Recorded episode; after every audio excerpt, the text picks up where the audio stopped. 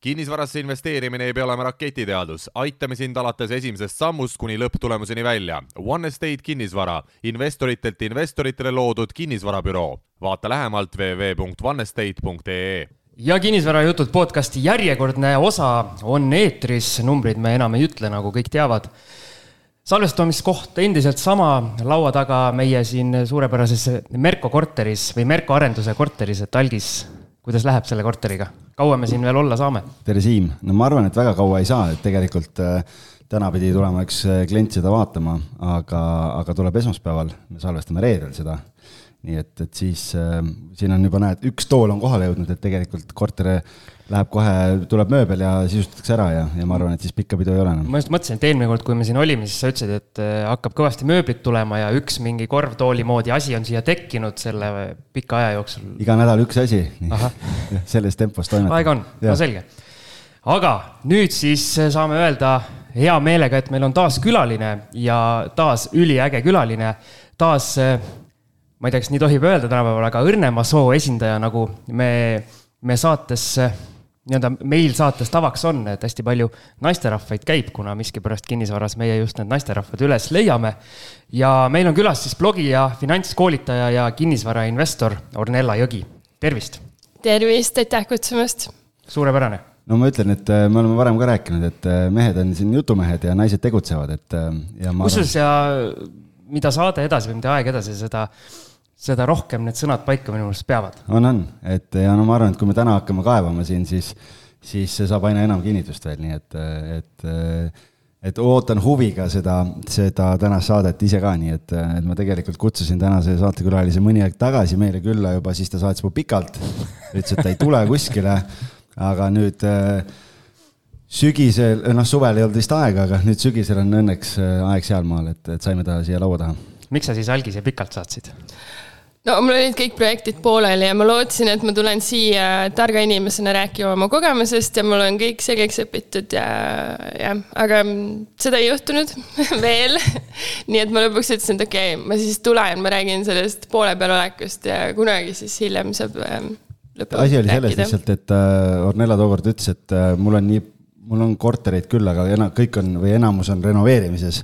et mul hetkel ei ole veel väga palju äh, rääkida või nii palju rääkida, kui ma tahaks et ma teen need valmis, aga ma saan aru, et osa siiamaani ei ole valmis veel, et eks me jõuame siis kaevata, miks nad valmis ei ole ja, ja mis seisus need korterid on. aga mul on selle peale küsimus, et kas kinnisvarainvestoril üldse mingil hetkel äh, sellist momenti saab olema, et kõik on valmis, et nagu umbes, et Tallinn on valmis, nüüd äh, viskame, ma ei tea, Kirka või, või Peitli või Pahtlilabida nurka ja, ja naudime no kui raha on otsas, siis peavadki renoveerimised valmis olema ja siis, siis on kõik valmis, kuniks saab raha kokku ja uue aastal ei no see on väga hea. ehk siis ring käib ikkagi kogu aeg. Kolgata tee. jah, aga Ornella, räägime sellest, millega sa siis igapäevaselt tegeled? praegu ma igapäevaselt te tegelengi renoveerimisega. viimasel ajal, noh, enne seda ma olen olnud tõlkija väga pikalt ja siis äh, koolitaja, finantskoolitaja. aga praegu ma võtsin kõik oma kohustused vabaks renoveerin kakskümmend neli seitse, kui ma just ei reisi ja siis äh, vabast ajast äh, koolitan ka inimesi. aga kust see koolitaja taust ja kõik see on tekkinud, et sul on, äh, sul on Instagrami kanalil selline asi kirjas, et sa oled money coach, et mida see tähendab täpselt siis, mis see finantskoolitaja tähendab või kust, kuidas sinust sai selle valdkonna tegija? no tegelikult ma läksin Instagrami ja blogima üldse reisi, reisimisega seoses, aga siis tuli koroonapandeemia peale. Investeerimine, no ma olin kogu aeg investeerinud, aga ma lihtsalt mõtlesin, et ma ei hakka sellest kohe rääkima, et nii igav nagu. mida rohkem ma sellest rääkisin ja seda põnevamaks asi läks ja börsid olid ka hästi suureks teemaks uudistes, nii et ma kogu aeg rääkisin sellest ja siis inimesed hakkasid küsima ja ma olen põhimõtteliselt lihtsalt algajaid aidanud, et neile lihtsalt selgeks teha, kuidas investeerida, et raha ei kao. aga mis seisus algajad sinu juurde üldse pöörduvad, kas inimesed nagu absoluutselt ei tea valdkonnast midagi või mingid algteadmised on omandatud ja siis on vaja kellegi edasijõudnuma nii-öelda kätt edaspidises teekonnas? no täiesti erinevad, mõnel on näiteks äh, aktsiad portfell olemas, pole mingit probleemi, aga siis te mõtlevad, kuidas nüüd esimese üürikinnisvarani jõuda kõige targemalt ja et siis ma selgitan, et millised võimalused on. ma muidugi mingit finantsnõu ei anna, ma lihtsalt räägin oma kogemusest ja noh, nii-öelda ja jagan haridust. aga on ka täiesti algajaid, kes ei tea, kuidas aktsiat töötada ega midagi, aga lihtsalt neil on selle vastu huvi tekkinud. et hästi äge on siukseid algajaid aidata sul on, sul on gramm puudu viiest tuhandest jälgijast, et kas sa oled Eesti mõistes nagu suur influencer juba või? Ei, ma ei ole mitte keegi, ma ei ole üldse Instagramiga tegelenud, seal peab iga päev riilse postitama, ma olen see aasta postitanud mingi neli tükki, nagu ma olen nii halb selles. ma pole ühtegi riilsi postitanud. ma ei tea, mis see, ma ei tea, mis see tähendab. siin ei ole veel Instagramiski nii, et äh, Algis meil tegi, Algis just meil tegi Instagrami. kinnisvara, kinnisvara juttudel ja ma siin paar nädalat tagasi tegin lõpuks veel Instagrami konto ära ja. kuidas inimesed selle üles leiavad? Äh, otsivad äh, kinnisvarajutud, panevad sisse ja leiavad meid ilusti ülesse, nii et, äh, et, et ja seal vaikselt inimesi tuleb, nii et, et. kas sa sellest salvestusest ka sinna midagi teed? ikka teeme, ma arvan küll jah, meil on täna siin ju sotsiaalmeedia guru on laua taga, siis ta aitab meid kindlasti siin midagi ägedat ära teha. aga, kas me olime oot, ma küsin vahel kui, kui suurelt me ikkagi eksisime, et me tegime oma Instagrami konto alles siis, kui meil juba sada pluss osa oli valmis tehtud? Räme fail, räme fail no praegu, kui on Reelsid, siis saab kõike seda ju tagantjärgi postitada, muidugi teil ei ole videokontenti siis te ette panete lihtsalt pildid ja flash ite läbi nagu.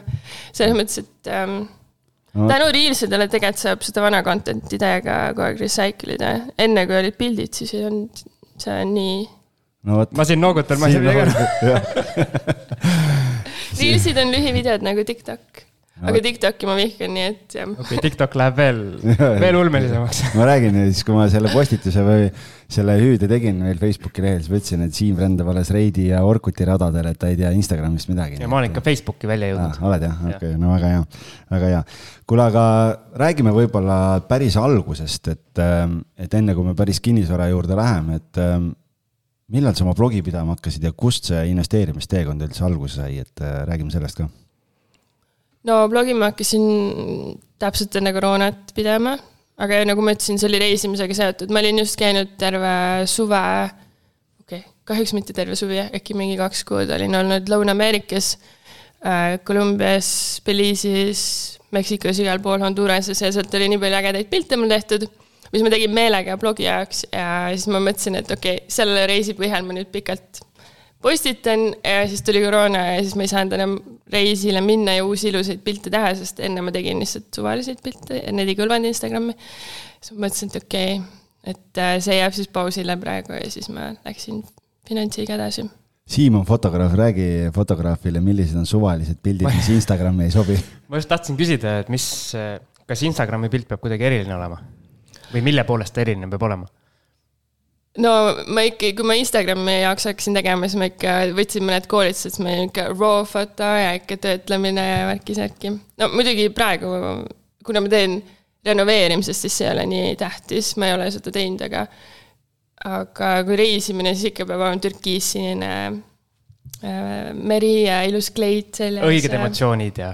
ja, ja vanasti ma olin alati, ma läksin nii kaugele kui võimalik, et mu nägu üldse peale ei jääks, nagu see ei sobi Instagrami okei okay,, aga, aga investeerimisteekond kui selline, et mina lugesin selle, Ornella saatis ühe lingi ja ütles, et noh, et tehke kodutöö ära, enne kui ma tulen, on ju, et siis teate ka üldse, millest me rääkima hakkame, et. et siis äh, mina lugesin selle läbi, aga, aga. ikka aru ei saanud midagi. räägime kuulajatele ka, et, et kust su investeerimispisik tekkis? jumal tänatud, et sina selle läbi lugesid, ma iga kord, kui ma lähen intervjuule, siis ma pean vaatama sealt neid aastaarve. minu meelest sa võid nüüd mind fact check ida, aga kaks tuhat neliteist ma vist, ei, kust ta alguse sai, ma ei tea, ma ma võtan kohe spikri ette siin. See... mul oli üks hästi äge sugulane, kes rääkis alati Kiyosakist ja ta investeeris kinnisvarasse, sealt tuli pisik. aga kinnisvara armastus tuli ähm, Nurgakivi saatest nurgakivi saatest või ma olin see lapsfänn, kes viieaastasena seda kogu aeg vaatas nagu see oli nii Kuule, äge. kas seesama mees on siiamaani saatejuht seal või? jaa. on jah? ma ei ole seda enam vaadanud, mul ei ole aega saate käib siiamaani mina mäletan ka kahjuks mul ei tule selle, selle mehe nimi meelde, aga, aga, aga jah, aga väga äge. mina ei tea ühtegi nime, nii et ma ei saa. olge vait, ma guugeldan, kas see saade päriselt ka käib praegu Te võite edasi rääkida. kaks tuhat neliteist alustasid, on siin äh, kirjas blogis. ja mu esimene asi oligi üürikorteri ostmine. no see oli kindel, põhimõtteliselt ma läksin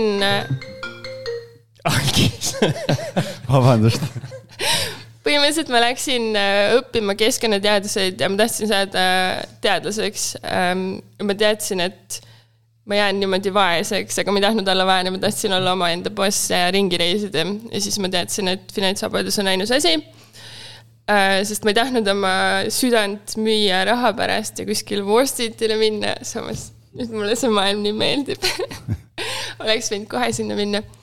Ähm, ja siis Kristi Saare blogi lugesin ja kuulasin seda nende podcast'i kahjuks nad oma podcast'i väga tihti täna enam ei tee, et, et investeerimisraadio oli see yeah., millest sa räägid, jah. et seal väga-väga enam uusi osasid ei tule, aga jah, mingi hetk nad olid hästi, hästi aktiivsed. et ähm, aga okei okay., aga kuidas siis niimoodi, et kui keegi mõtleb nüüd investeerimise peale, et siis ta esimese asjana äh, ostab kohe kinnisvara, et noh, see ei ole nagu väga traditsiooniline, et võib-olla sa räägid sellest teekonnast ka, ma lugesin, ülihuvitav oli lugeda seda, kuidas sa üldse, kui palju sa nägid vaeva selleks, et oma esimest kinnisvara osta ja, ja, ja võib-olla sa räägid seda, seda poolt ka, et, et see oli nagu, et see ei ole päris nii, et noh, võtan ja ostan, et, et sa tegid kõvasti tööd selle nimel ju. ja ma ise mõtlen ka, et äkki ma olen liiga palju tööd teinud, et tänapäeval äkki saab kergemini. aga minu point oli see, et ma käisin, no ma käisin ülikoolis välismaal, Inglismaal ja Austraalias ja ma tegin ühe vahetusaasta Austraalias ja siis ma otsustasin pärast bakalaureuse lõppu, et ma lähen sinna tagasi working holiday'le. aga enne seda siis ma pool aastat töötasin kahel kohal ettekandjana ja põhimõtteliselt kakskümmend neli seitse ja siis sain esimese üürikorteri sissemaksu kätte, pluss ma kogusin lennupiletite raha, Austraalia nagu tripi raha, no alguskapitali nagu ja kõik. Ja elasin eluga oli lõbus ka. kahe koha peal kakskümmend neli seitse, päris raju. Mulle meeldib öelda kakskümmend neli seitse, aga vanasti olid vahetused, ma ei tea, kas praegu niimoodi tohib, vist tohib Eestis veel olid äh, kuusteist tundi vahetused vahel ja neliteist tundi. aga need pikad vahetused olid just need kõige ägedamad ja minu jaoks oli kõige ägedam see, kui oli hästi-hästi busy, siis oli ähm, noh, siis seal nagu kogu aeg mõte töötas, sa pidid kogu aeg jooksma, nagu see mulle täiega meeldis. ja näiteks see äh, kord, kui ma, või sellel ajal oli minu meelest just, kui ma nüüd ei eksi, World Cup jalgpall, mida ma armastan ja ma töötasin ühes baaris samal ajal, kui kõik vaatasid jalgpalli ja mina ka ja see oli nii fun nagu näiteks. siis töö tegemiseks aeg, väga aega ei jäänud, istusid klientidega koos laua taha maha ja ütlesid, et vaatame nüüd jalkat, et. Äh. ei, muidugi mitte, aga see oli hea, et ega nad siis eriti ei tellinud, kui mingi kriitiline hetk oli, siis said ka vaadata ma vahele ütlen, et äh, laupäeva hommikul TV3 kümme kolmkümmend, pange endale märkmikutesse Nurgakivi saade iga nädal. saatejuht äh,? kohe härra nimega Priit Valge. just, just, just, et äh, legendaarne. reklaamiminutid. jaa, väga äge. okei okay,, nii, siis ostsid esimese korteri äh,. mis, mis korter oli, kuhu ostsid äh,, palju maksis äh,? ühika korteri ostsin, kuusteist ruutu äh, kesklinna lähedale. ja maksis kakskümmend kuus tuhat. aasta oli? Kaks tuhat neliteist minu meelest. sama, nii et kaheksa aastat. Äh, et äh, mis, mis palju täna hind on, tead, on see alles sul? jaa ähm,, hind, ma ei, seal majas üldse ei müüda enam kortereid, see on nii ägedaks majaks läinud. aga põhimõtteliselt ma kunagi kuulutasin, kui näen, siis ma arvan, et praegu on ta mingi kuuskümmend viis, seitsekümmend tuhat, ma ei tea, seal lihtsalt ei müüda nagu. minu meelest see on parim ühik mis, mis ühikas see on? Kus äh,? mis aadress on? ei, ta, ta ei julge öelda, sest siis kõik hakkavad ihuma hammast Sõpruse põieste kolm. sinna ei saa praegu. ma olen ise andnud ühe korteri üürile seal, meil on siin ühel saatekülalisel vähemalt, kui mitte kahel, on sealsamas majas veel korter, nii et. Äh, kus see asub? see on kohe selle mm, Kristiine kõrval, äh, kui sõidad, hakkad sõitma Mustamäe poole ja siis, kus keerab sealt äh, esimene valgusfooriga ristmik, siis sealt pead vasakule sõitma sisehoovi ja siis seal on see maja, kui ma ei eksi. jaa, no aga põhimõtteliselt mina ütlen Kristiine kes- keskuse kõrval ja mul on just ähm,, kuigi ta on seal nagu väga pisis kohas, siis tegelikult, kui sa seal korteris oled, seal ei ole müra ja mul on üleval ka nii, et mul on puud. aa, sul on kuskil kõrgel korrusel. see, see, mis mina Jürile andsin, oli esimesel. Mm. no Siim, leidsid üles?, ma isegi tean seda maja, ja, ja. Aga nüüd see just soojustati ära ka, nii et nüüd on täitsa no, no. no vot, ma ei ole nüüd ammu käinud seal, sest ma mingi kaks aastat tagasi vist üürisin välja selle, siis, siis seda kontingenti oli päris huvitav vaadata, kes seal liikus, et selles mõttes noh, mis, mis teatud mõttes on arusaadav, kui, kui vaatad seda maja ja see noh, ütleme, et seal ma saan aru, ongi erinevad kontingenti ja kaks erinevat tiiba ka veel, et üks pool on nagu parem natukene kui teine ja ja, ja päris huvitav, aga eks iga maja muutub ajas ja see, kui nüüd ära tehti ja siis see näitab, et on vähemalt mingi tegus majarahvas sattunud, kes, kes toimetab ma just tahtsin küsida, et meil on siin saates läbi ajaloo hästi palju räägitud nendest, nendest Tallinna ühikatest, et üks, üks hullem kui teine ja ja, ja see kontingent on seal väga nii-öelda värviline, nagu Algis just ütles, et kuidas sa julgesid sellisest majast alustada noore tütarlapsena, et kas olid mingid hirmud ka või läksid lihtsalt peale? ja mul ei olnud mingit hirmu. no väike hirm jah, aga nagu ma ei lasknud kellelgi enda meelt muuta. kuna ma ise, ma ei tea, need ühikakorterid on mu armastuseks muutunud, ma armastan seal käia. esimest korda, kui nii öeldakse. see on nagu nii põnev, nagu, vaata mulle meeldib äh, kuskil Lõuna-Ameerika ähm, slammides kuskil ringi reisida, vaadata seda action'it ja siin Tallinnas saab seda ühikamajades teha. aga kas sa nagu nii-öelda enda turvalisuse pärast kunagi ei muretse, kas siis seal nii-öelda Sõpruse puiestee ühikas või siis kuskil Lõuna-Ameerika slammis? ei, ma ei, ma ei ole sellise mõtlemisega, mida mul karta on nagu, mitte midagi. kui keegi kallale tuleb, löön vastu nagu ja kui midagi juhtub, no siis juhtub, ega ma enda elu saate, saate pealkiri praegu. ega ma enda elu ju sellepärast ei jäta elamata, et ma mõni üürnik kardan. lööb, löön vastu. on üürnikuga, üürnikuga kätsiks läinud ka või? ei ole, seal ei ole mitte midagi. seal on täiesti rahulik. Siim kirjutab pealkirja juba praegu, et eh, okei okay,, aga kuule, aga tegelikult me hüppasime praegu sinu esimese ostu juurde ja nii edasi, aga ma tegelikult äh, lugesin selle sinu selle postituse läbi, et kuidas sa alustasid ja nii edasi, sa rääkisid siin, et sa vaatasid nurgakivi ja nii edasi, kas sa tegelikult Inglismaal olles vaatasid ka mingeid kinnisvarasaateid ja asju, ma saan aru, et seal oli ka nagu, et seda süvendasid seda pisikut kogu aeg, et äh, et, et, et sellised do it yourself asjad on sulle nagu hästi palju, ma saan aru, juba väiksest peale korda läinud, et kas see ühika korter, mille sa nüüd ostsid, vajas ka renoveerimist? Mm, see, mille ma esimesena ostsin, ei vajanud renoveerimist. ma vaatasin igasuguseid, aga vot see jäigi nagu selle taha, et mul ei olnud eriti aega ja mul ei olnud nagu renoveerimisraha ja tol hetkel vanida remondiks ma ei olnud valmis. siis oli aeg ka nii tähtis, nagu ma tahtsin Austraaliasse ära minna. aga mul oli lihtsalt, ma põhimõtteliselt sain nagu karbi kätte, mis oli hiljuti renoveeritud aga ma vihkan nagu seda, et seal on see dušikabiin on nagu, dušš on ehitatud nagu pooleldi koridori. et äh, ma tahan seda kogu aeg remonti teha, aga pole nagu veel finantsiliselt vist tasuv, et korter näeb piisavalt hea välja. mida tähendab, et dušš on ehitatud pooleldi koridori? Saad naabritele tere öelda, kui äh, duši all käid. sa mõtlesid väliskoridori või ikka sisekoridori? nagu esikusse või? esikusse tähendab jah? no see on lihtsalt niimoodi, et äh, ma peaks sinna tegelikult panema lükandukse, aga seal on praegu dušikardin nagu ees. kuna seal oli vanasti niimoodi, et sul oli WC kuubik ja sul oli sisse ehitatud kapikuubik, siis selle asemel, et nad seda sisse ehitatud kappi laiendada, nad lõhkusid nagu sisu välja ja panid sinna duširuumi, ehk see on sihuke kuubik, mis jah ühesõnaga, mõni tuleb külla, siis äh, hakkab jopet ära panema, teeb selle kardina lahti, see on hoopis dušš või? täpselt, mul on selle üle nii piinlik. ma mäletan, ma väga pikalt ei julenud üldse selle korteri pilte nagu selle nurga alt näidata. aga noh, see pole midagi, osadel me oleme kõigest pilte näinud, kus dušš on köögis ja ma ei tea, mingeid Jah. selliseid huvitavaid, et saad nagu samal ajal kartulit praadida, kui duši all oled, et. ja kuskil oli minu meelest oli, oli vets oli ka niimoodi kööki tehtud klaas, klaasseinaga kuidagi, et äh, see oli, mina panin selle üles. sina panid selle või? või Instagramis ma vähemalt jagasin, võib-olla sa nägid kuskilt, ma jah, okei okay,, no väga äge, aga kuidas nii et su, su esikudušš ei ole kõige hullem asi maailmas. no kuidas selle korteriga on läinud, see on sul siiamaani alles, äh, üürnik on algusest peale sama, kõik, äh, mitte ühtegi probleemi pole olnud, noh, nii nagu ikka, on ju, et.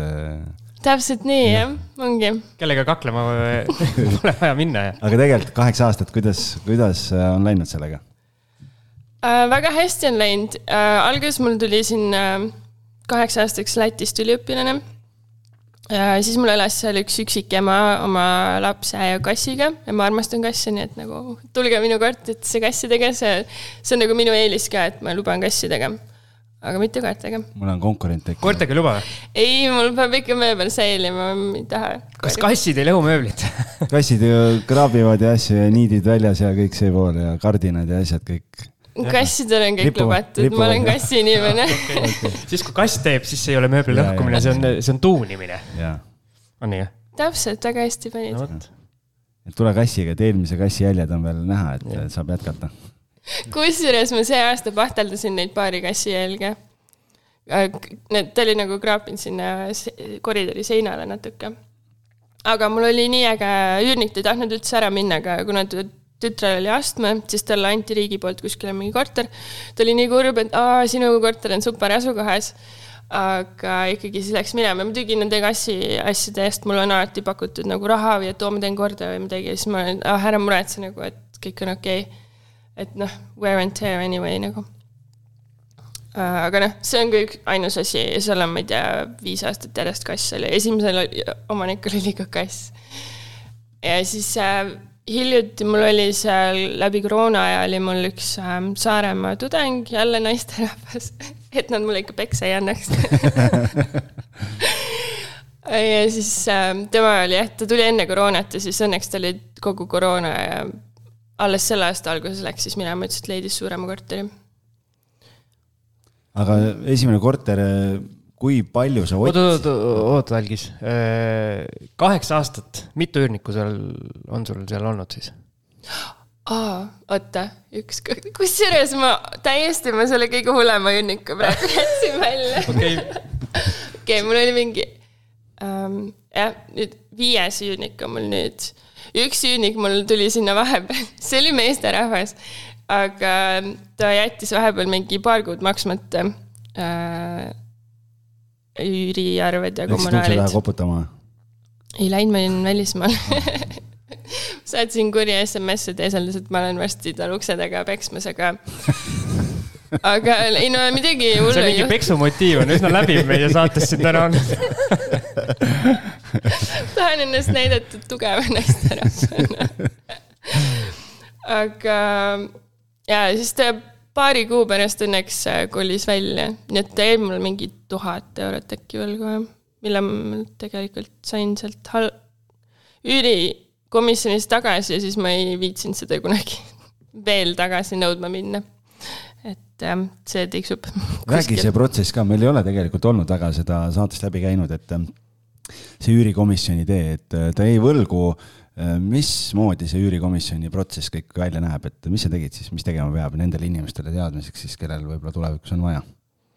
no see oli juba ammu, minu meelest oli mu üle, üle-eelmine üürnik, äkki neli aastat tagasi, nii et ma enam eriti ei mäleta.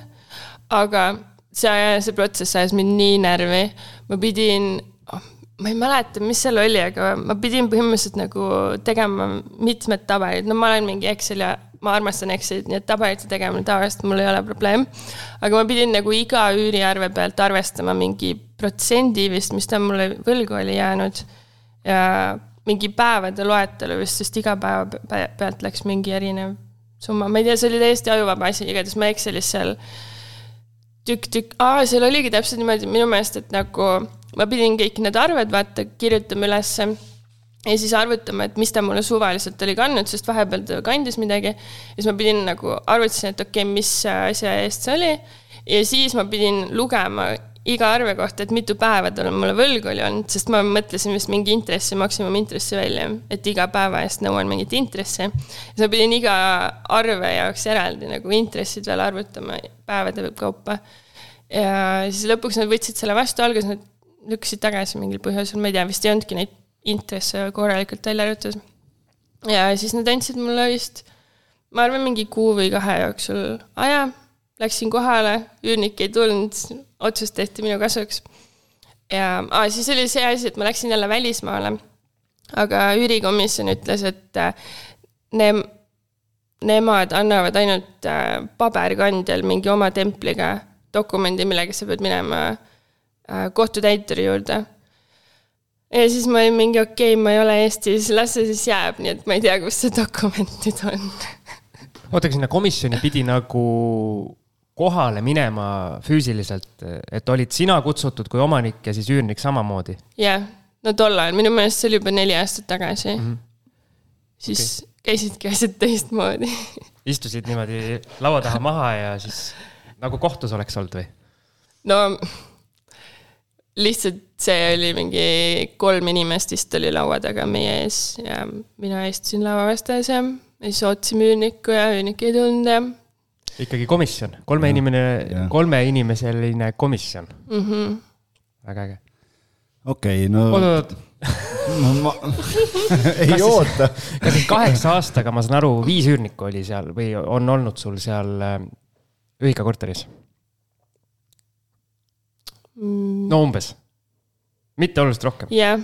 et nii-öelda keskmine on ikkagi selgelt üle aasta, nagu ühe üürniku keskmine, keskmine olemine, et minu, minu arvates see nii-öelda nii väikse korteri kohta on päris hea.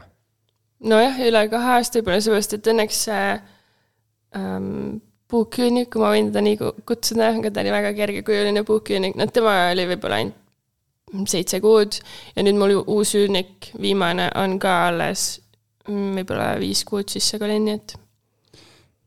no selles mõttes, et tegelikult arvestades, et tal on kassid lubatud, siis äh, sealt võib ka võib-olla otsida seda põhjust, et miks see keskmine üüriperiood on pikem olnud, sellepärast et ega lemmikloomadega üürnikel ei ole väga palju valikuid, kuhu minna ja siis, kui nad tulevad, siis nad reeglina on kauem. jaa ja nad on väga tänulikud, nad on nagu oh my god.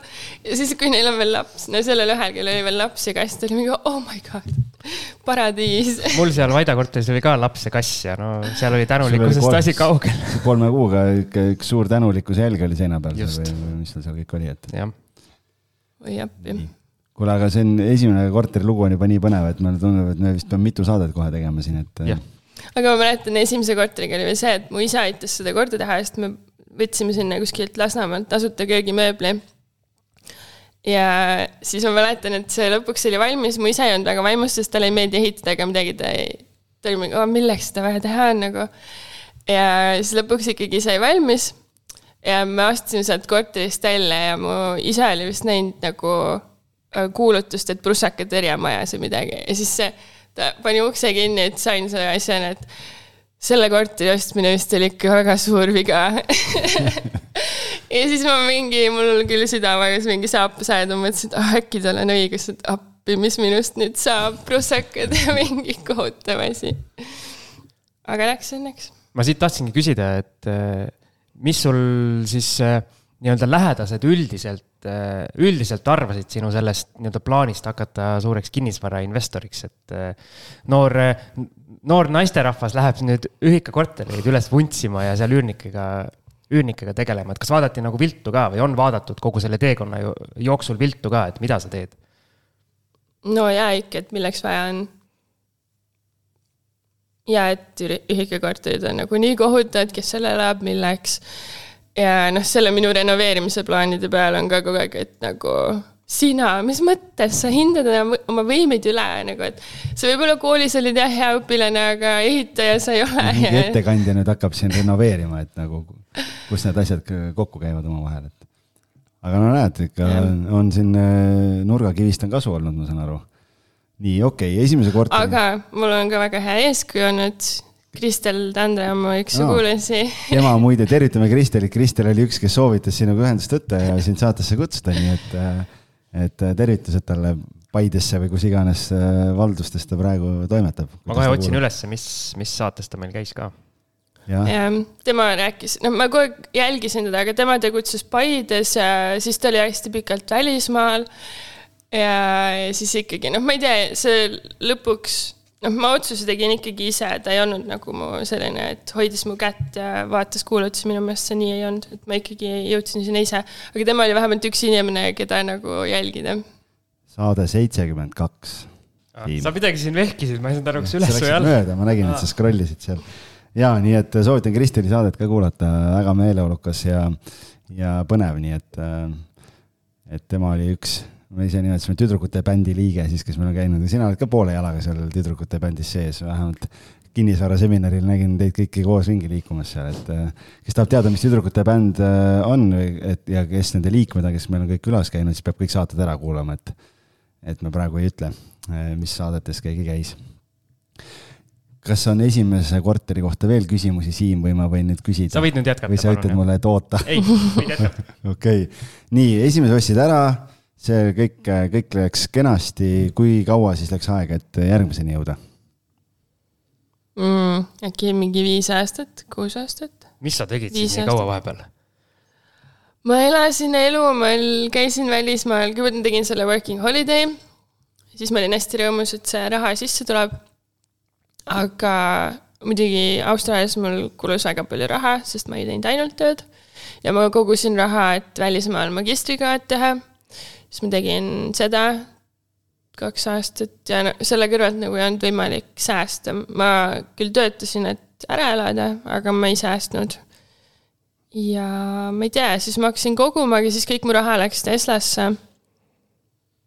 aktsiasse siis, mitte autosse aktsiasse ikka, jah ma, ma korra, kuna mul on spikker on ees, siin on see blogipostitus, siis äh, tegelikult äh, tegelikult oli asi hoopis ei, ei, ei, ei, tegelikult ma tahtsin seda küsida sinna juurde, et, et tead, Siim, miks ta nii kaua läks järgmiseni või? sellepärast, et talle öeldi sellel hetkel, kui ta esimese korteri ostis, et ära osta, kohe hakkavad hinnad kukkuma. Öeldi nii, kes see ütles nii?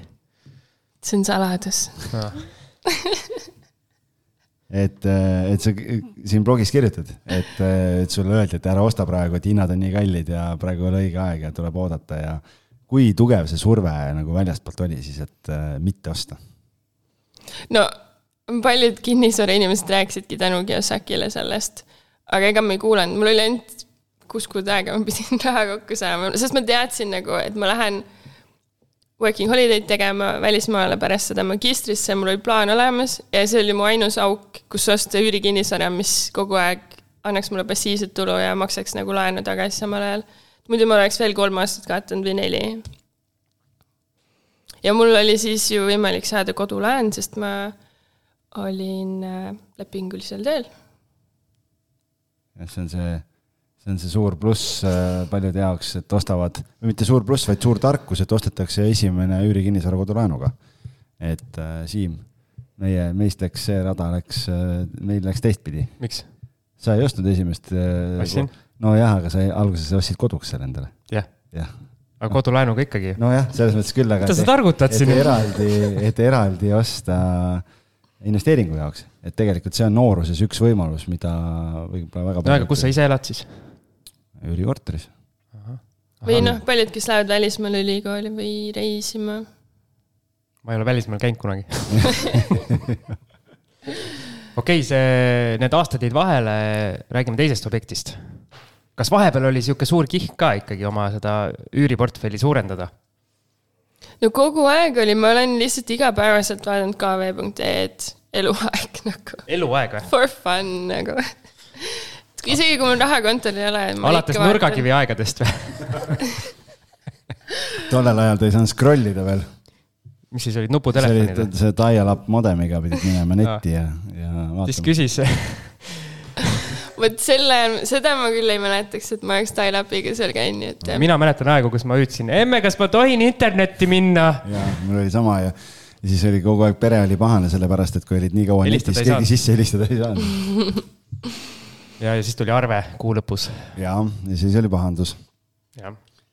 okei okay,, aga mis me siin hakkame heietama, meil on külaline nii, aga siis teine korter, ühika, ühikas kuskil jälle või? Ja, ja veel ekstreemsem kui enne. seekord Kopli, jah, Kopli nurg, nurgatagustesse. aga sa valisid puhtalt selle järgi, et sa leidsid mingi kõige koledama korteri Tallinnas ja ostsid sellepärast Koplisse või tootlus oli väga hea või kuidagi Kopli hakkas meeldima vahepeal või miks sinna?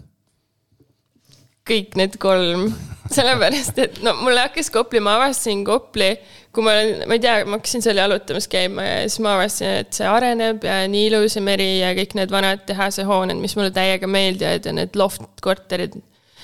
noh, need neljameetriste lagedega, et oo, nii ilus piirkond. ja no ma tahtsin kohe, ma tahtsin minna arenevasse piirkonda, siis ma mõtlesin, et okei okay,, Kopli on see. ja ühikakorteritest ma ei ole üle saanud, ma ei tea, mulle lihtsalt meeldib sihuke ekstreemsus.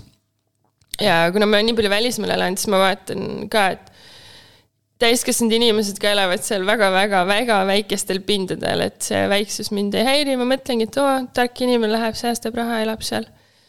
et ma ei tea, mulle meeldib ja tootlus muidugi ka, no ma olen nii palju, kui ma olen arvutanud, ma ei ole kuskilt saanud paremat tootlust kui just nendest kõige väiksematest. Kas see Kopli korter, seal siis tegid äh, ise renoveerimise? ei veel ühe ma ostsin niimoodi, et ma panin ta kohe turule. ütleme, et ma ei, ma ei käinud seal korteris, ma ostsin selle kuulutuse järgi, mul käis usaldusväärne kinnisvaramaakler neid kahte korterit vaatamas äh,. kas see, kas see usaldusväärne oli nagu jutumärkidega öeldud või?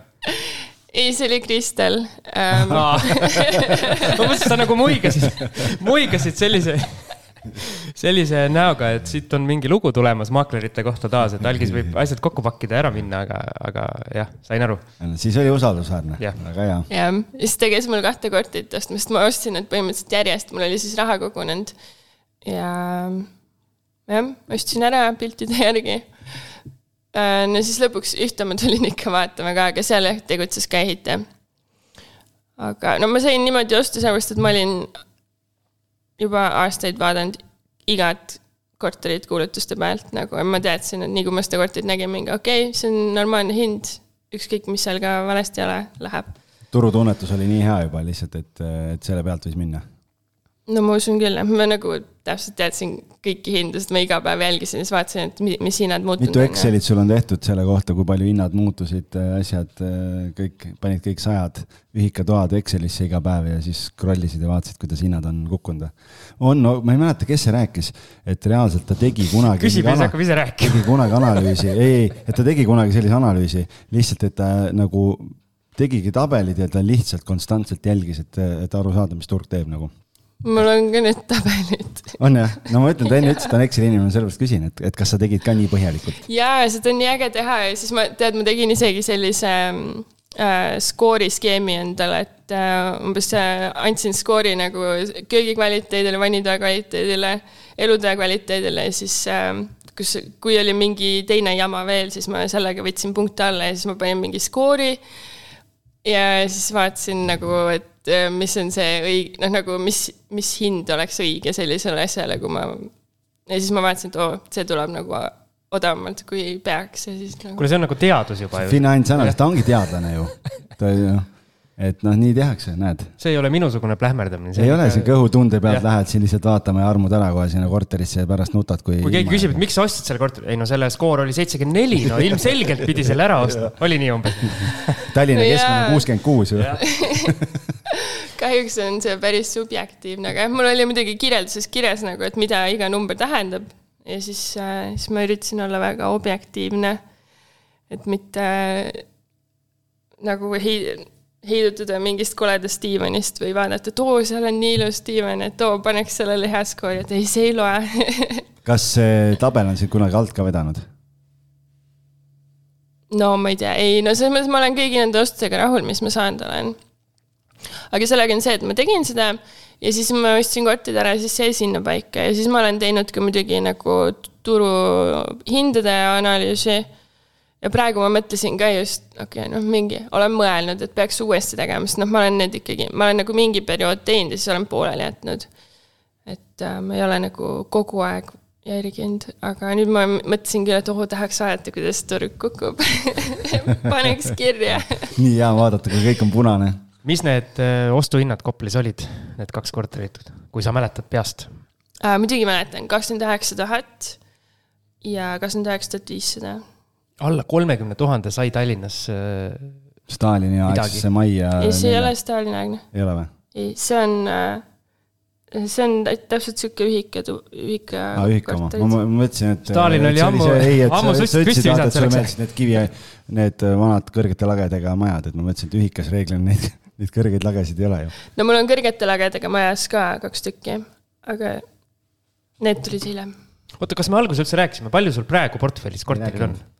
Kuus tükki ainult. ainult kuus, aga sul on olnud rohkem? ja ma müüsingi kaks tükki maha turu langustoodetes ja ka natuke puhvrit tekitades, et Euribor läheb käest ära ja, ja aktsiaid on vaja tagasi osta ja. kas need kõik, need kuus on need ühikakorterid või, või hiljem on midagi muud ka tulnud? no nüüd mul on äh, ma hakkan lugema, kas mul ikka on kuus või on rohkem, ikka kuus.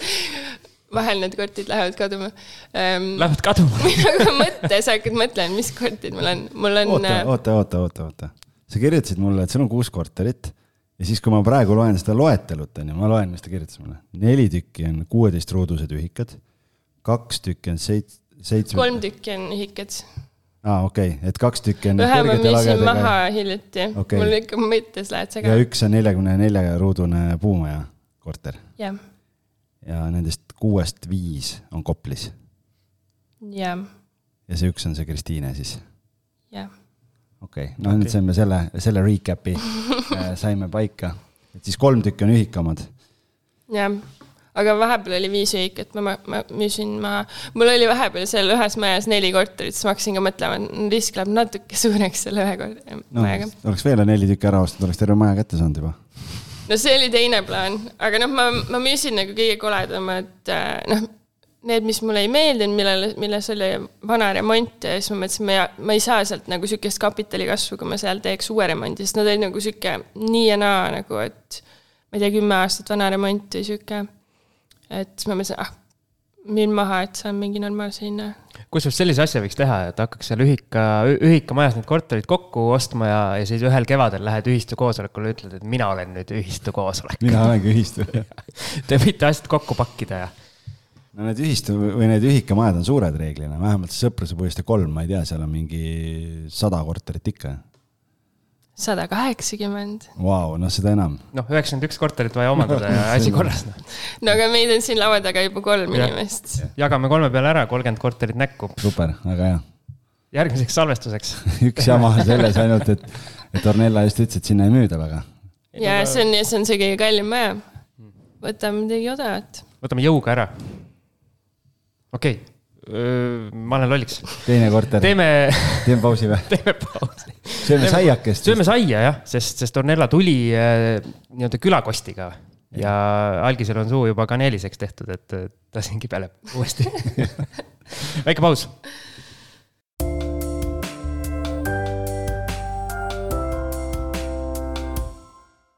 nii, ja siin pausil vahepeal läks nii-öelda sisukujundusteemadel jutt edasi, et milline on Skandinaavia stiili hall õige toon, algis teab täpselt.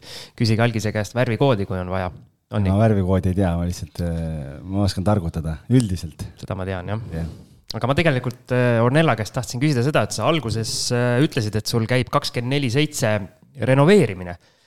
et mitu objekti korraga sul siis töös on ja, ja kuidas see tööjaotus seal, et ühelt objektilt teisele jooksed pidevalt või mismoodi see käib sul? no praegu mul on kolm objekti pooleli ja no eks ma üritan mingi kaksteist tundi vähemalt tegutseda, vahel vähem, vahel rohkem. Ehm, no ma ei tea, ma jah, ma hüppan liiga palju nagu ühest kohast teise, aga vahel on niimoodi, et käib ehitusmees, siis ma pean käima midagi rääkimas ja siis ma käingi mitmel objektil ühe, ühel päeval. ahah, sa ise ei teegi kõike, et sul on ehitusmees ka nüüd juba? Ei, ma ikka teen, aga sellega oli see, et äh, ma tahtsin kaks esimest korterit lasta ehitusmehel nagu teha keerulisemad asjad ja, ja diil oli selles, et ta tuleb ja õpetab mind ja mina õpin tema kõrvalt ja siis pärast seda ma olen nagu meister valmis. et äh, aga siis äh, ma läksin just sel ajal puhkusele, sest mu väga head sõbrannad läksid üks sõber, sõbranna läksid äh, Tenerifele ja siis ma läksin nendega kaasa. selleks ajaks, kui ma tagasi tulin, pidi korter valmis olema. ei olnud ja siis kõik hakkas animesse, anyway. nüüd ta veel lõpetas ühte viimast korterit, aga vannituba tegi, sellepärast et ma ei tahtnud ise sinna riski võtta selle vannitoaga. et vannituba on siis äh, ikkagi see kõige keerulisem koht korteris? ja, no ja just eile mul käis näiteks elektrik, elektritöid ma ise veel ei tee. Et äh, torumehed ja elektrikud mul on veel elektritöid sa ise veel ei tee, kuule, aga räägime kohe nüüd ära selle, et sa läksid värskelt ehituskooli ka et äh, ja. sa läksid sinna õppima mida? ma läksin, ma ei saa öelda, et ma olen nüüd ehituskooli õpilane, sest ma teen seal ühte kursust ainult viis nädalat, ma läksin õppima plaatimist. tänu sellele, et mul oli plaatimis üks ähm, halb kogemus nii-öelda plaatijaga, kes nimetas ennast plaatijaks, ma ei tea, kes ta on aga no igatahes ma võtsin selle töö isegi vastu, ma ei osanud nagu, see oligi see loll asi, et ma võtsin selle töö vastu. mu lemmiktöömees oli ära, ei saanud nagu kontrollida. ja ma võtsin selle töö vastu, maksin raha ära ja siis pärast nagu tuli välja, et need seinaplaadid ikkagi ei ole nagu, kui sa katsud, nad ei ole nagu siledad. Nad, noh, kõik, kõik plaadid on erineva kõrgusega, see ei ole nagu kõige hullem, see ei paista välja. Aga siis nagu seal ei olnud kraane ega midagi, eks ju. ja siis, kui pandi kraanid tööle, siis tuli välja, et dušiidi kalle oli vale, et nagu vesi valgus ukse juurde.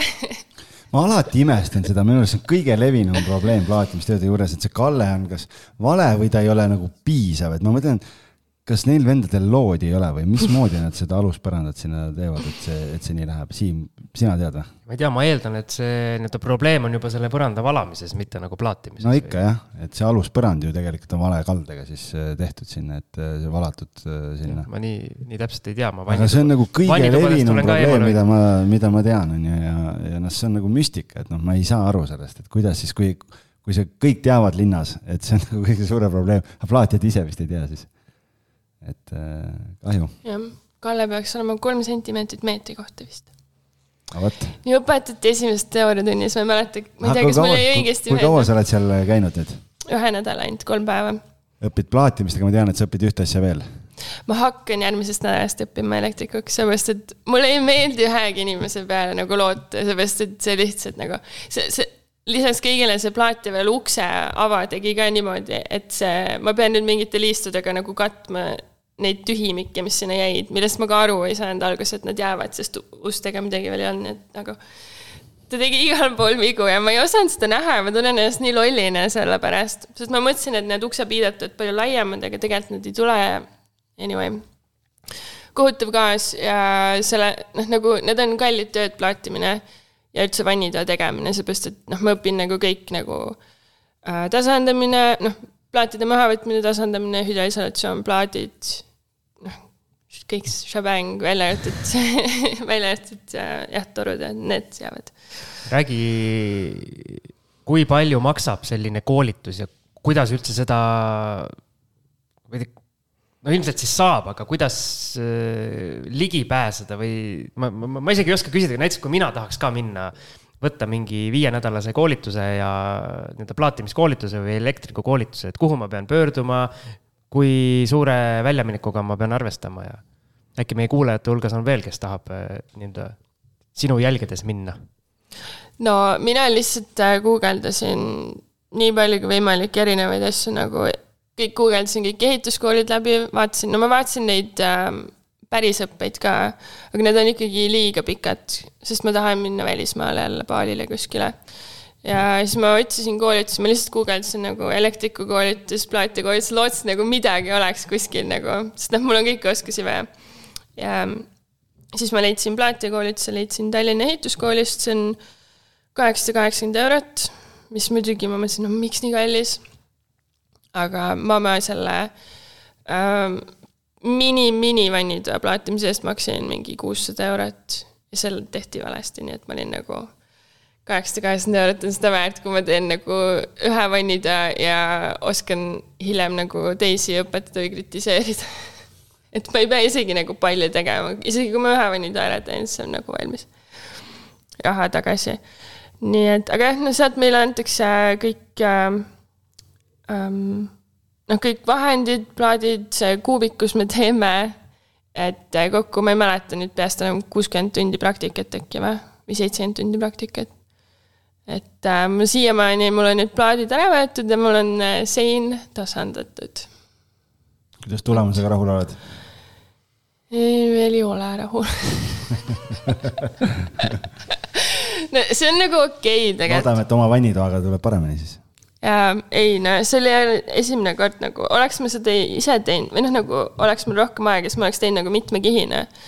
aga sul on nagu kiire, vaata, et üks päev sa pead selle protsessi ära tegema, sest järgmine päev juba see asi peab olema kuiv ja siis sa teed teistega teist asja.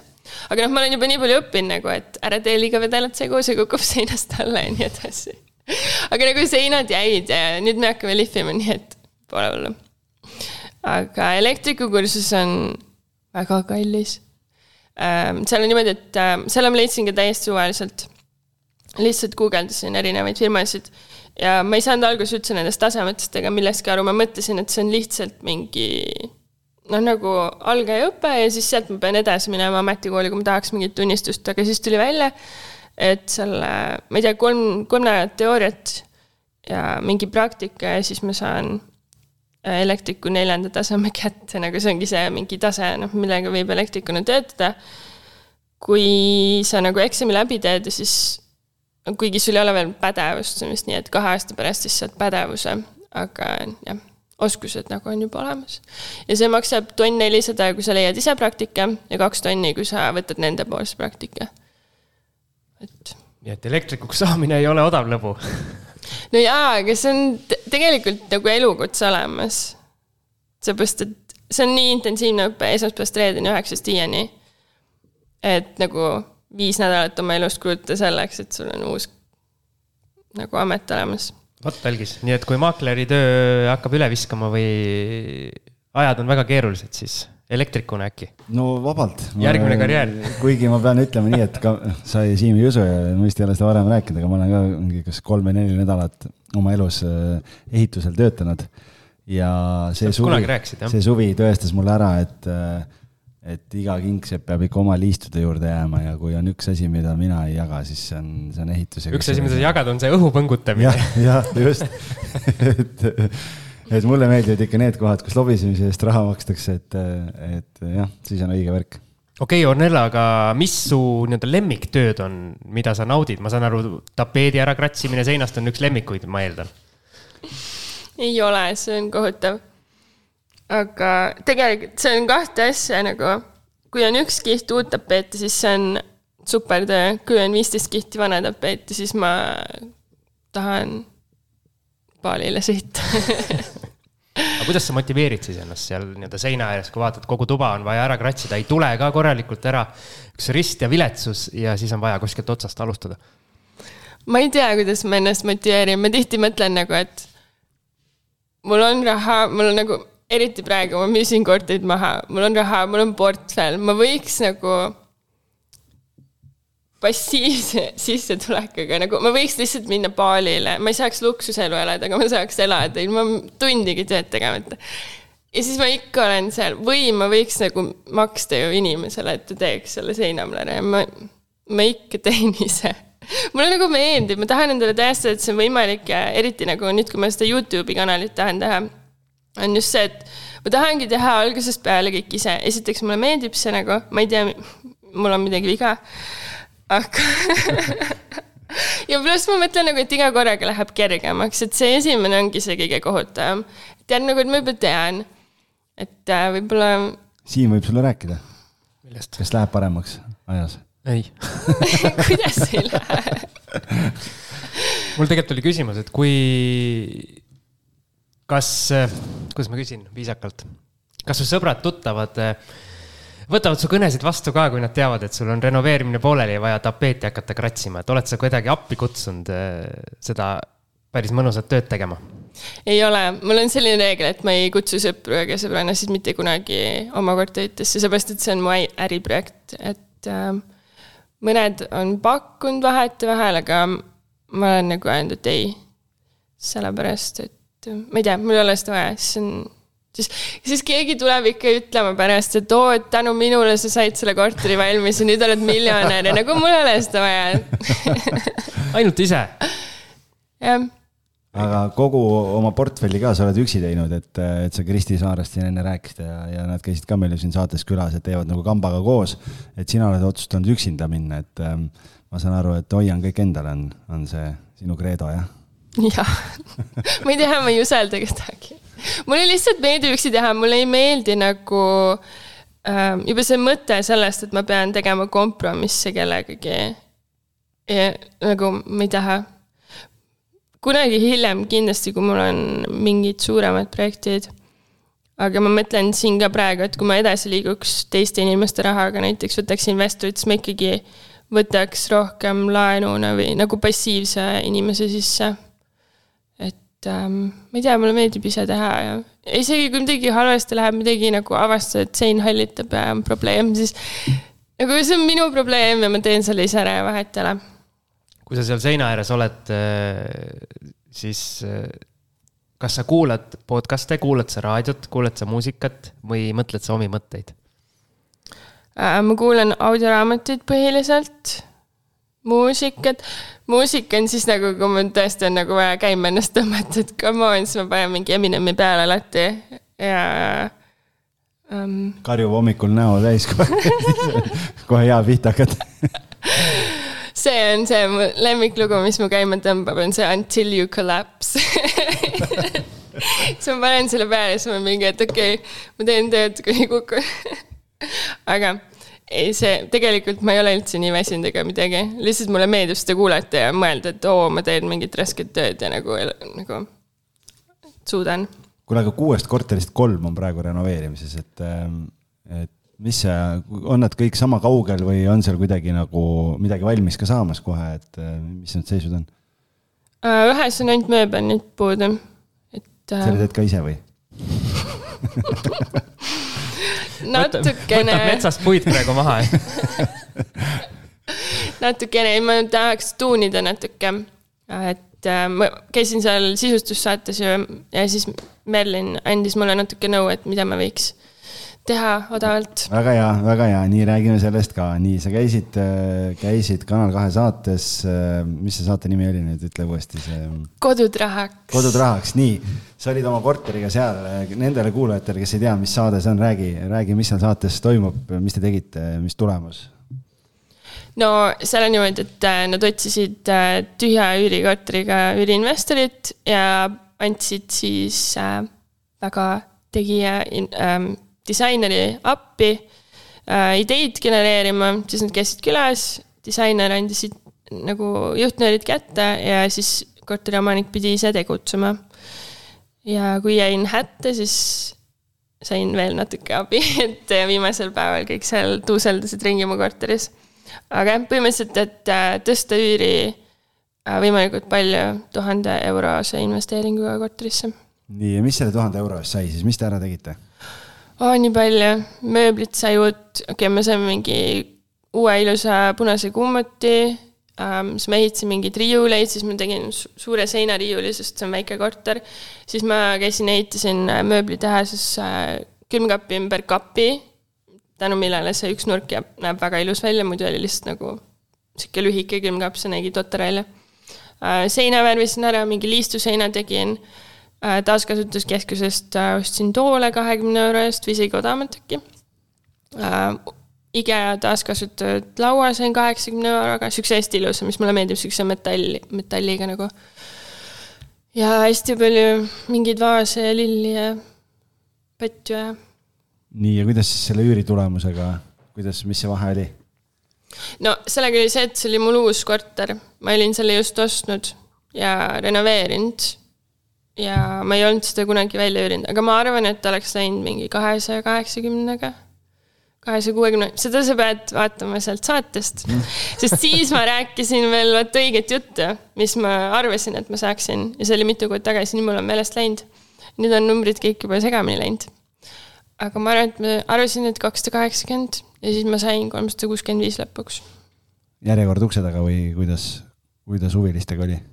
no muidugi super, no siis kõik, äh, kes tahavad vaadata, tegelikult ma ei tea, neli või palju neid saateid on äh, väljas tänaseks, et, äh, et otsige Kanal kahest ülesse ja, ja saate järgi vaadata. et kui see, mis saade meil oli see? nurgakivi, kui nurgakivi on vaadatud, siis kui maja on valmis, siis jah. väga hea, näed, kõik valdkonnad on kaetud. räägime finantseerimisest ka just. Kui palju suurt võimendust sa oled kasutanud, et esimese korteri sa ostsid kodulaenuga mm. -hmm. kas ülejäänud korterid on sul ka eraisikuna või need on ettevõtte all? ettevõtte all, sest mul on, ma olen põhimõtteliselt kogu aeg töötanud iseendale, maksnud endale ise palka ja, ja noh, järelikult siis madalat palka, et nagu mul laenuvõimet eriti eraisikuna ei olnud. et äh, Swedbank la- naeris mu välja, sest ma ei olnud IT-inimene. kõrgepalgaline, kuigi ma olin veel enne endal palka tõstnud, et laenu saada, aga äh, LHV-s olen siis äh, ärilaenud on kõik ja kolmkümmend prossa on võimendust hetkehindade juures, ma arvan. siis äh, praegu see, see eu- Euribori tõus, et kui see sind väga palju vist ei hirmuta, jah? ei hirmuta. Kuigi mida rohkem inimesed sellest räägivad, seda kas sa oled ikka mõelnud, et järgmisel aastal võib nelja peale tõusta? ja ma ei tea, mul praegu näiteks see korter just, mis mul, mis, mis ma seal saates tegin, minu meelest seal praegu mul laenumaks oli kakssada nelikümmend euri ja üür on kolmsada kuuskümmend viis. nagu veits ruumi on, aga kes seda teab ma ei julge enam mõelda. mis edasi? Mis su kaugem plaan on, kui suur see kinnisvaraportfell olema peab ühel hetkel? sada korterit on mu eesmärk. ongi kohe selline ümmargune number nagu jah. jah et mit, ei käive mitte midagi, vaid ühikute arv on nagu see. ja ma ei tea, ma ise mõtlen ka nagu, et noh, imelik eesmärk vaata, et oo, et mitu miljonit no, ikka, mitukümmend miljonit. pool, pool ühikat ju. me rääkisime, sada kaheksakümmend oli seal, et noh, siis on hea mõõdik on ees. pool majast pead ära ostma. Ja see on sihuke imelik äh, eesmärk, seepärast et ma ju psühholoogiliselt tean, et kui ma ostan kallima korteri, siis äh, mul on vähem kortereid, aga ma ei tea, see lihtsalt tuli. sada korterit, aga eks jah. ja ma tean muidugi, et see ise nikerdamine nagu aeglustab mu teed praegu. aga ma ei tea, ma ei viitsi tööd kõrvalt teha enam. tahakski nagu nii chill on lihtsalt, ärkad, millal tahad, lähed, ehitad kratsid tapeeti päev läbi. ja kes tahab äh, Ornella nendel tapeedi kraapimistel silma peal hoida, siis sul on päris palju story sid, ma eile vaatasin ka, et äh, sul on hästi äge, äge Instagrami see kasutajanimi ka ja blogi nimi, et äh, äkki sa ütled meile kuulajatele, mis see on? Hammocks in the wind. kust see nimi? mida see tähendab üldse? Äh, no see on nagu need, on, ma ei oska eesti keelt, võrkkiik, võrkkiiget tuules. võrkkiik tuules see oligi, no ma mõtlesin, et kuna see pidi olema reisiblogi, siis mina paalil võrkki käes kuskil Kaukasest pinakalaadiat joomas, et see võiks olla see nimi. oota, ma vaatan, kuidas kellu on, kuidas kellu on inglise keeles, oota. Eesti keeles kellu, inglise keeles on aiakühvel labidake, kellu on trowel, trowel in the wind, in the apartment, võib-olla peaks ümber nimetama. Travel in the ditch. minu elu. et, et soovitan jah, otsige üles siis äh, Hammocks in the wind äh, Instagrami kanal ja vaadake, et seal on neid story sid on päris ägedaid seal kõik, mis, mis toimub ja sul ei ole ju ainult kinnisvaras seal, vaid sul on nagu oma muude investeeringute ja ja asjade kohta ka seal infot, nii et aga ma küsin, kuidas su jälgijad selle, ma ei tea, kas muudatuse või selle siis nagu omaks võtsid, et justkui reisiblogi hakkas järsku mingist, ma ei tea, tapeedi kratsimisest ja kinnisvarast äh, rääkima. no see ongi väike probleem selles mõttes, et äh, väike mi- mi- mismatch nagu, et paljud on muidugi ära läinud. ja siis on uusi inimesi juurde tulnud, et noh, nii ta on, mis seal ikka, need, kes ei viitsi vaadata, need lähevad minema. kuule, sa võiks panna tegelikult nurgakivi omal selleks, selleks. Seal mingi copyright peal ei ole või? aa, tõenäoliselt jah. mul on tegelikult äh, plaan muuta oma nimi investeerimisega seotumaks, aga seal on ka jälle see, ma kogu aeg nagu muudan oma sihti. et alguses oli see reis, see muutus nagu norma-, noh nagu tänu koroonale, aga siis ma olin aktsiad, siis ma nüüd olen kinnisvara ja sihuke DIY. Et ma, ma ei teagi, kuidas seda õiget fookust ja nime üles leida, mulle meeldib nagu nii paljude asjadega tegeleda. et äh, see olengi mina. siis, aga mul on plaan muuta nimi natuke ära, et I m X in the wind nagu ei sobi. no siis pead oma nii-öelda isikubrändi looma hakkama, et kui nii paljude asjadega tegeled, siis äh, nagu sa ütled, oledki sina. jah. aga noh, mul on sihuke nimi, et see on jälle meeldejääv kas meil on rääkimata mingeid lugusid, äh, kas siis ostuprotsessist või äh, üüri, üürilistega seotud äh, mingeid juhtumisi? Neid me natukene puudutasime saate esimeses osas, aga on mingeid siukseid väga värvikaid juhtumisi? ma ei tea, mul nagu kogu aeg midagi juhtub, aga niimoodi, kui ma hakkan tagasi mõtlema, siis hmm. no üks case näiteks oli see, et ähm, no ma ei tea, igasuguseid asju on, aga need, mis mul praegu meelde tulevad, on sihuke, et äh, näiteks äh, ühes sel äh, kaks aastat tagasi, ei, ühes uues korteris, mis ma ostsin.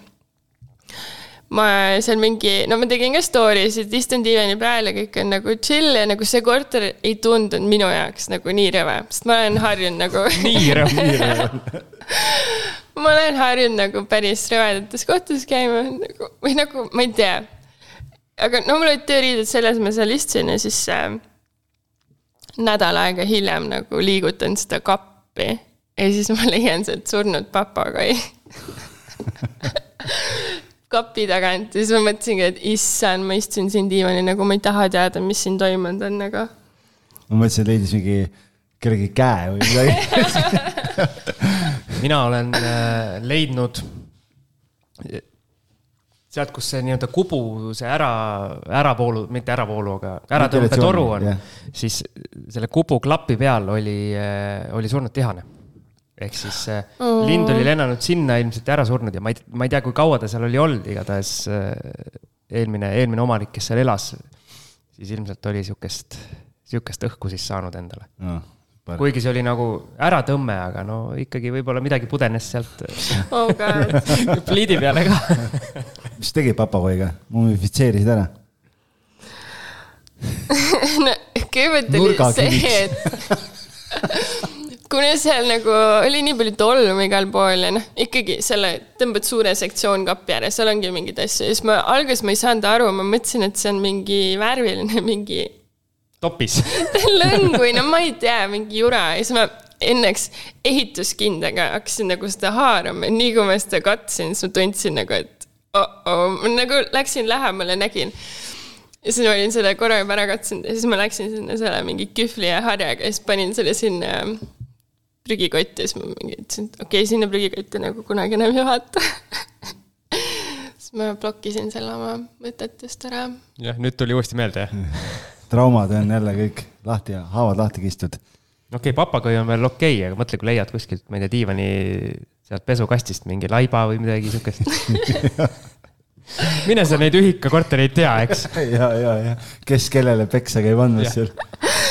kuule, sellega mul on ka jutt, ma ei tea, see on tõsi ja kes on selle samade korteritega seoses nagu, et ähm, ma ei vahetanud seal alguses lukke ära ja siis ma käisin ühistu koosolekul ja siis ma sain nagu Äh, tuttavateks mingite inimestega, kes on seal pikalt elanud ja siis see naine ütleb mulle, et et jaa, et see inimene, kes sulle, noh, see naine müüs mulle korraga kaks korterit ähm,. ja siis see naine, kes sulle need korterid müüs, et jaa, et nagu lapsed said vangist välja, et mingi minu meelest oli mõrva eest, ma ei tea. et nagu lapsed said vangist välja, et siis ta nagu müüs need maha ja siis ma mõtlesin, oh my god, siis mingi järgmine päev, noh, järgmine kord, kui ma sinna läksin, ma vahetasin kohe lukud ära igaks juhuks, nagu ma enam ei julge seal korteris olla ilma nendega, nagu nende lukkudega. aga ma ei ole uurinud nagu, mis, kas see on kuskil avalikult ka olemas, et. noh, nüüd on uuesti ilmselt juba kinni, nii et. jah, tõenäoliselt ei ole vaja muretseda. okei okay,, aga kas võtame need äh, algise, algise lemmikküsimused ei, need ei ole mu lemmikküsimused, need on meie, see on traditsioon ah.. see on no, osake, see on osake meie, osake see on nagu, nagu üheksas mai. traditsioon. okei. kes mida tähistab? Lähed ise edasi mingid peamised õppetunnid, mis sa nüüd nende kaheksa aasta jooksul oled, oled kogenud, et mis, mis on sellised asjad, mida sa tahaksid välja tuua, millest teistel ka võiks kasu olla? Ma ei teagi, nagu hakka tegema. riske ei pea kartma. hinnad on ju nii kallid yeah.. kohe hakkab kukkuma. Euribor ju tõuseb ah,. Come on no ma ütlen, praegu ma ootan ka, ma loodan, et kevadel tuleb, aga noh, ma olen alati nagu minu juurde tulevad ka konsultatsiooni inimesed ja küsijad, et et noh, et see üks korter, et kuidas seda osta, siis ma ütlen nagu vahet ei ole, kas turg langeb või mitte, nagu kui see ei ole su ainus korter, siis vahet ei ole, sa ostad järgmise korteri kahe-kolme aasta pärast siis on kas turg üleval või all, esimene vahet pole, kas nagu, sa ei, sa ei saa mõelda nii, et mu esimene korteriost peab minema nagu super hästi et äh, turupõhjast ostan ainult ühe korteri ja siis on kõik nagu. et kui iga kolme aasta tagant ostad, siis vahet ei ole ju, kus see turg on. vot, Siim mm. -hmm. Mm -hmm. Siim võtab portaali lahti kohe. ja ma küsin ise teise. Äh, just, et noh, see natukene haakub selle eelmisega, et, et mida sa soovitad neile, kes tahaksid kinnisvarasse investeerima hakata, et noh, sina teed üksi, keegi teeb kambaga koos ähm, mis siis tegema peab, mis see võluvits on nüüd siis sinu kogemuse näitel, kas äh, peab kolm töökohta olema või peab? või piisab kahest? piisab kahest, et äh, mis, kus see Viagra on nüüd siis? ma ei tea, mina olen sihuke töönarkomaan, mulle meeldib ja noh, kui ma ülikoolis, ma olin ainult baka teinud, mul oli keskkonnateaduste haridus, mul nagu ei olnud võimalik saada kõrgepalgalist tööd. ja siis ma tegingi hästi palju nagu odavamat tööd ettekandjana, ma ei tea, mulle meeldis. aga kui jah, ma ei tea, ma ei kujuta isegi ette, nagu oleks ma alustanud mingi viie tuhandese IT-palgaga. ma oleks praegu juba nagu kümne milli juures et ähm, Instagram, Instagrami story tuleb või mis iganes selle asja nimi on. ja keegi teeb pilti ja võtab mu mõtte ära. algis kasutab meie või seda aega kasutab hästi ära, et teha meil sotsiaalmeediasse content'i sest meil on ikkagi sotsiaalmeedia guru äh, siin, äh, siin mikrofoni taga ja me peame ka näitama, et meil ka ikkagi töö käib. nojah, see on selline lapse kingades asi, et tegin ühe lühikese video ja, ja kõik, nii et aga no, õpime kõik, on ju. esimesed sada osa ei olnud sedagi. Jah, nii et äh, vaikselt liigume, areneme. pahteldada ma endiselt ei oska ja, ja elektrist ei tea mitte midagi, aga, aga telefoni käes hoida oskan. aga vaata, sa saad kui, kui Ornella lõpetab oma selle elektriku koolituse, siis sa paned aja tema juurde kinni ja, ja lähed, lähed õppima. ja mul on aega nii palju üle, et no ma võin siin jah, väga palju uusi asju juurde õppida no,. kusjuures see on mu uus idee ka, sest hästi paljud inimesed võtavad minuga ühendust, et nad oleks tahtnud nagu lihtsalt, et oh, ma tahaks ka nagu mingit kursust, aga mitte sihukest pikka, siis ma mõtlesin hmm,, varsti ma saan teha mingeid äh, ühepäevaseid kursuseid inimestele, kes tahavad õppima hakata, ehitama hakata, et jah aga siis on äh, nii-öelda tänapäeval see, see mure, nagu Algis siin kogu aeg esindab, et äh, ma ei saa teha, mul ei ole aega, ma tahaks küll, aga mul ei ole aega. kus see aeg läheb inimestel? No asi on prioriteetides ju. kuulsid, Algis? Ouch. tuleb kella viie hommikul klubisse minna mis asja? kella viie ajal hommikul tuleb klubist tulla või see tähendab? klubist tulla kella... otse objektile ja, ja ei, tegelikult ta ütles, et see on see five am club, noh.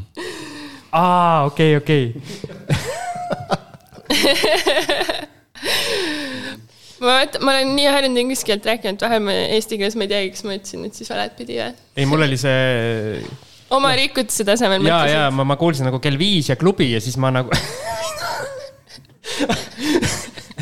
algis on põrandal põlvili praegu ja teeb pilti. nii et äh, see ilmselt nii-öelda raadiosse ei jõudnud, aga siit tuli üks vägev, vägev pilt, aga algis on jah, põlvili põrandal põlvitab aga ühesõnaga jah, kui mina kuulsin ühes lauses kell viis hommikul ja klubi, siis minu mõte läks ilmselt hoopis teistpidi, kui, kui sina tahtsid öelda. jaa, tuleb kell viis hommikul üles tõusta. mida ma praegu ei tee, aga need ajad, kui ma olen seda teinud, need on olnud mu kõige produktiivsemad üldse. aga kui sa lähed kell kaks öösel alles magama, mis need siis inimesed peavad tegema? tähendab, sa oled kolm tundi maganud siis see väga produktiivne ei ole. siis ei lähe magama nii hilja, see on nagu esimene kord lähed ja siis võib-olla teine ja siis, siis sa oled juba nii väsinud, et sa jõuadki sellesse rütmi, et ja siis, kui sa ei jää magama, siis see maksab sulle nagu ise kätte. ja mul on üks äh, nii-öelda life hack ka, et kes tahab, okei okay,, võib-olla mitte kella viie klubisse, aga no kell kuus, hiljemalt seitse kindlasti, siis äh, saage endale kolm last ja siis ei ole, ei ole küsimust, Juhei. isegi äratuskella ka ostma. On ju? vot, nii. tõmbame joone alla. Tõmbame väga äge oli. super, aitäh. aitäh kutsumast. ja edu sulle siis äh, renoveerimistel, edu koolis, edu palil, kui sa sinna lähed, kui sul korterid valmis on, nii et ja järgmine kord, kui mul on siis vaja uus elekter panna kuskile korterisse, siis ma tean, kellele helistada. jah, või õiget kallet vannituppa just, ära just voolule., just. jah, plaatida vannituba näiteks. ja ei mul kogemust on vaja. ma loodan, et mulle hakkab meeldima. no vot, super, aitäh kuulajatele. Ja minge tšekake meie need boonusosad ka üle. algis teab, kus neid leida. patreon.com kaldkriips kinnisvarajutud. just, tšau. tšau tšau.